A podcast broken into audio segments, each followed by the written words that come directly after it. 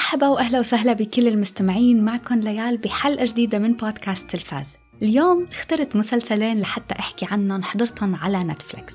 اخترتهم لأني حضرتهم هيدا الأسبوع ولأنهم جداد. أول واحد يلي اسمه مستفز شوي The Woman in the House Across the Street from the Girl in the Window. والثاني هو المسلسل الكوري All of Us Are Dead. من هلا رح قلكم انه القسم يلي متعلق ب The Woman in the House ما رح يكون كتير إيجابي على عكس All of Us Are Dead. بس ما رح يكون في سبويلرز يعني إذا لسه ما حضرتوهم فيكم تسمعوا الحلقة لتعرفوا شو تتوقعوا من هدول المسلسلين. الطابع العام لهيدا الحلقة من البودكاست هو مراجعة هدول المسلسلين وإحساسي خلال متابعتهم ورأيي فيهم بعد ما انتهوا. فيلا خلونا نبدأ.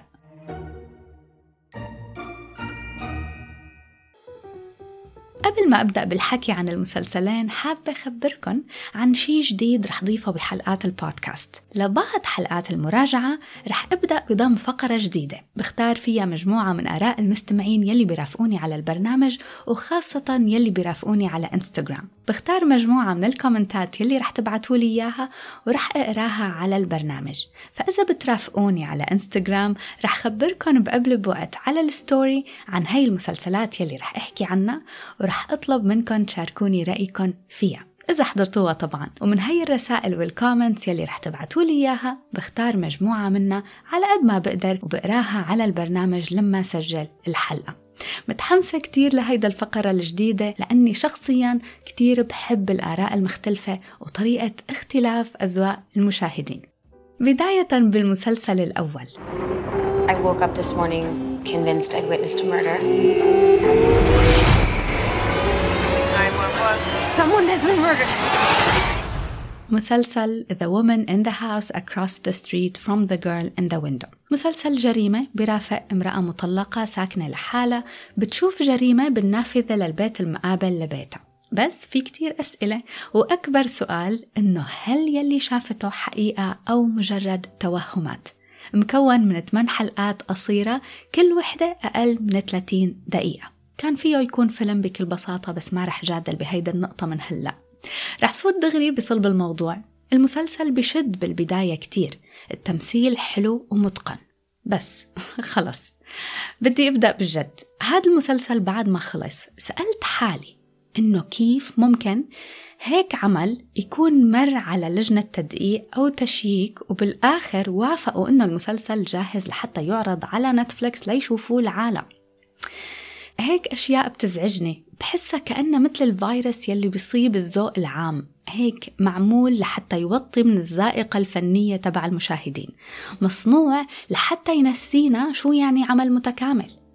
بلا كلمة عمل متكامل إذا كانت كتير صعبة يخلينا ننسى شو يعني عمل جيد على القليلة. هلأ المسلسل كله كله مش سيء. لما بدأت بمشاهدته كان في شي بشد ونوع حلو من الغموض والتشويق. بس يلي خرب كل شي علي هو النهاية آخر حلقتين بالتحديد. النهاية مثل ما دايما بقول هي يلي يا بترفع من المسلسل يا أما بتنزله. وهون أكيد بوجهة نظري نزلته وبالتالي كمان وضحت أخطاء وثغرات مميتة كانت موجودة بالنص وبالقصة. بصراحة لأنه أنا برفض تماما أنه يكون في عالم بيصنعوا أعمال فاشلة هيك أعمال فيها أخطاء هيك. فبعد ما انتهيت منه بلشت أعمل شوية سيرش على الإنترنت لأعرف شو كان التفكير ورا هيدا المسلسل.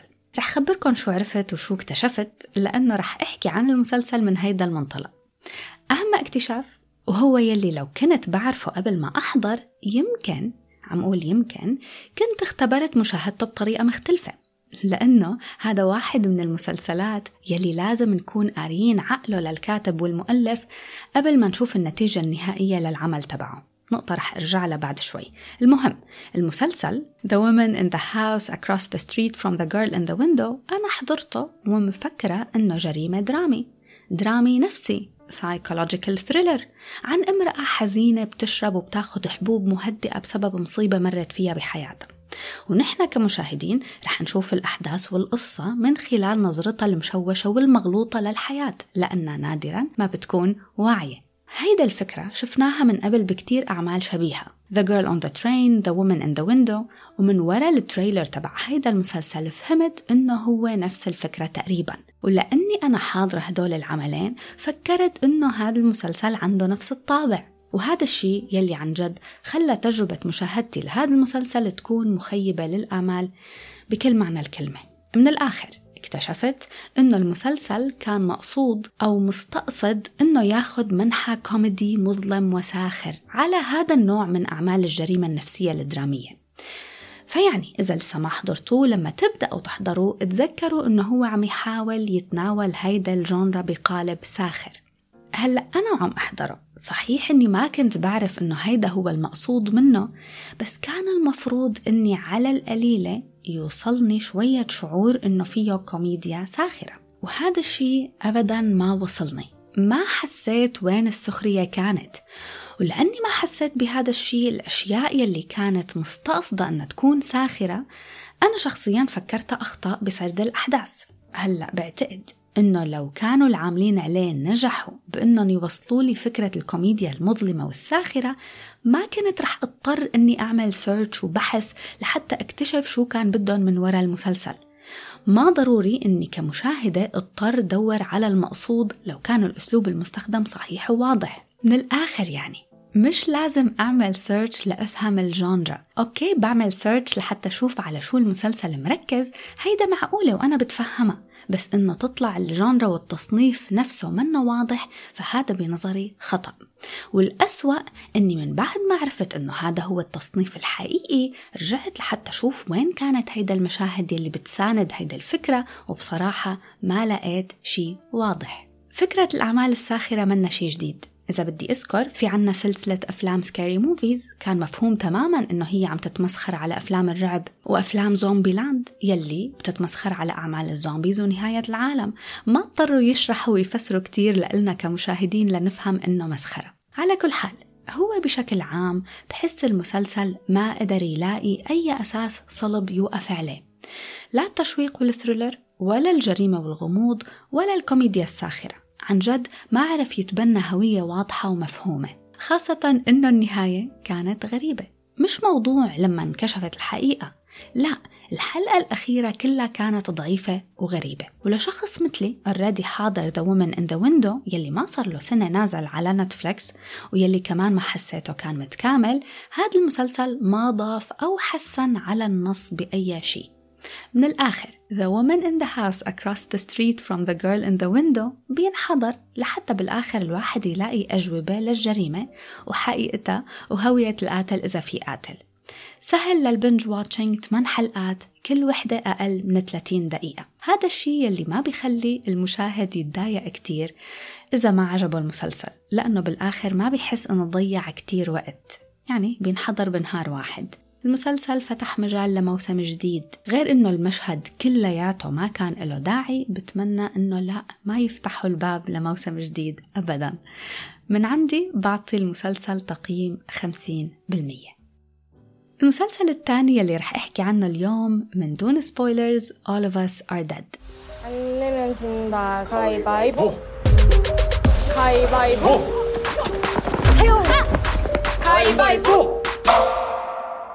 صرتوا بتعرفوا إنه ال zombies ونهاية العالم genre بحبها وبتعلقني. وهذا المسلسل بالتحديد أكيد كنت رح أحضره لعدة أسباب غير إنه نتفلكس صرعونا فيه. أول شي مثل ما قلت بحب أعمال ال zombies تاني شي كتير بيعجبني أسلوب الكوريين بإنتاج أعمال فيها هيدا ال genre. Kingdom مثلا هو من أكثر الأعمال يلي حبيتها وعجبتني وناطرة الموسم الثالث على أحر من الجمر. هلأ صحيح يمكن Train to Busan منه فيلم مفضل عندي بس ما فيني أنكر إنه طريقة عرض ال zombies طريقة فيها حماس وأسلوب مبتكر ومشوق كتير. يمكن الشيء اللي ما كان كتير محمسني على All of Us Are Dead هو موضوع ال high school والمراهقين. ما وقفني من متابعته بس كان عامل عندي شوية تردد.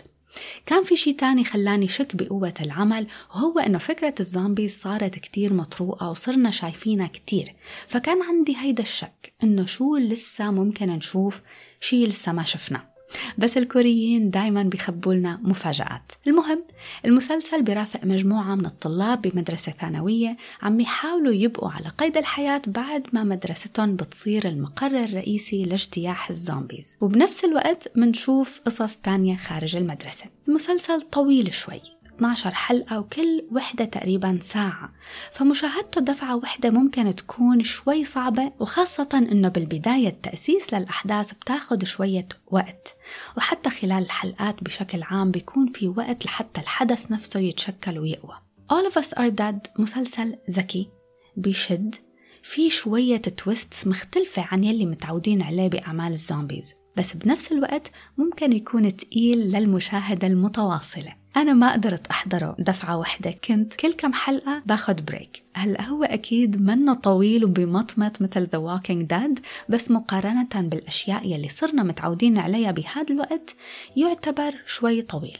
هلا بالرغم من كل المقالات على الإنترنت يلي بتقول إنه في كتير شبه بينه وبين Squid Game رح أختلف معاهم بالرأي شوي لأنه مسلسل All of Us Are Dead الطابع الكوري يلي فيه أكبر بكتير من Squid Game بيحمل كتير مشاهد وكتير حكي عن الحالة الاجتماعية والطبقة السائدة بالمجتمع الكوري ويلي بكتير مشاهد بتكون هي المحرك الأساسي للأحداث. وحتى الوضع السياسي وأسلوب تعامل الحكومات مع الوضع له نصيب كتير مهم. بالأحداث.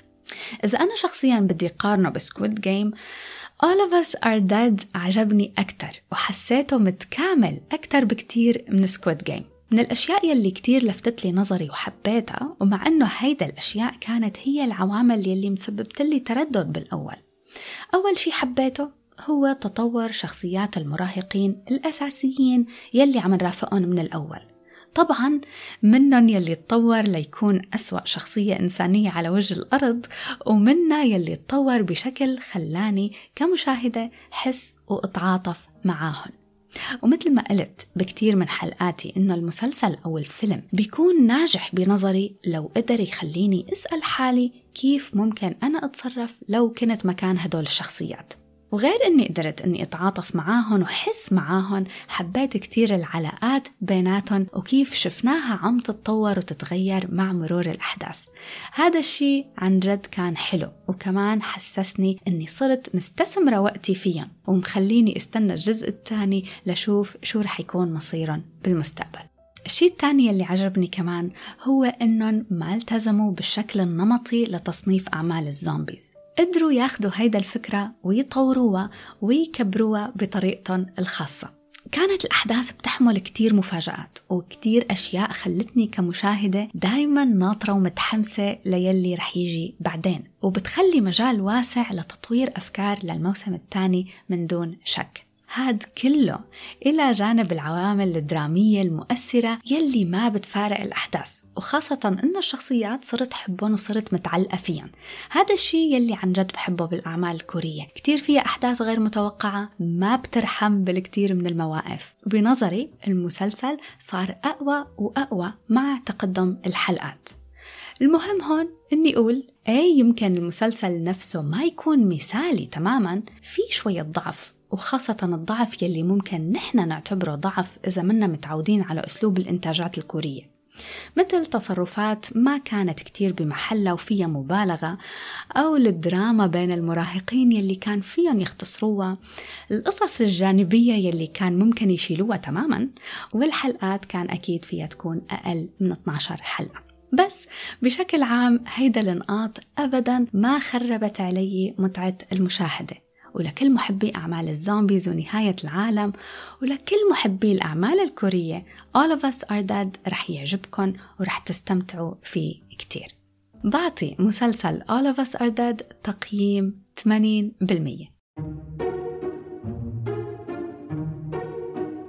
شكرا لكل الأشخاص يلي بيرافقوني على البودكاست وكمان بيرافقوني على إنستغرام بودكاست underscore تلفاز. please تواصلوا معي دايما وقولوا لي شو بتفكروا عن المسلسلات يلي بحكي عنها على البرنامج وكمان على أي مسلسل انتو بتحضروا وبتحبوا. شكرا مرة تانية بشوفكن بحلقة جديدة ومسلسل جديد وفيلم جديد. باي باي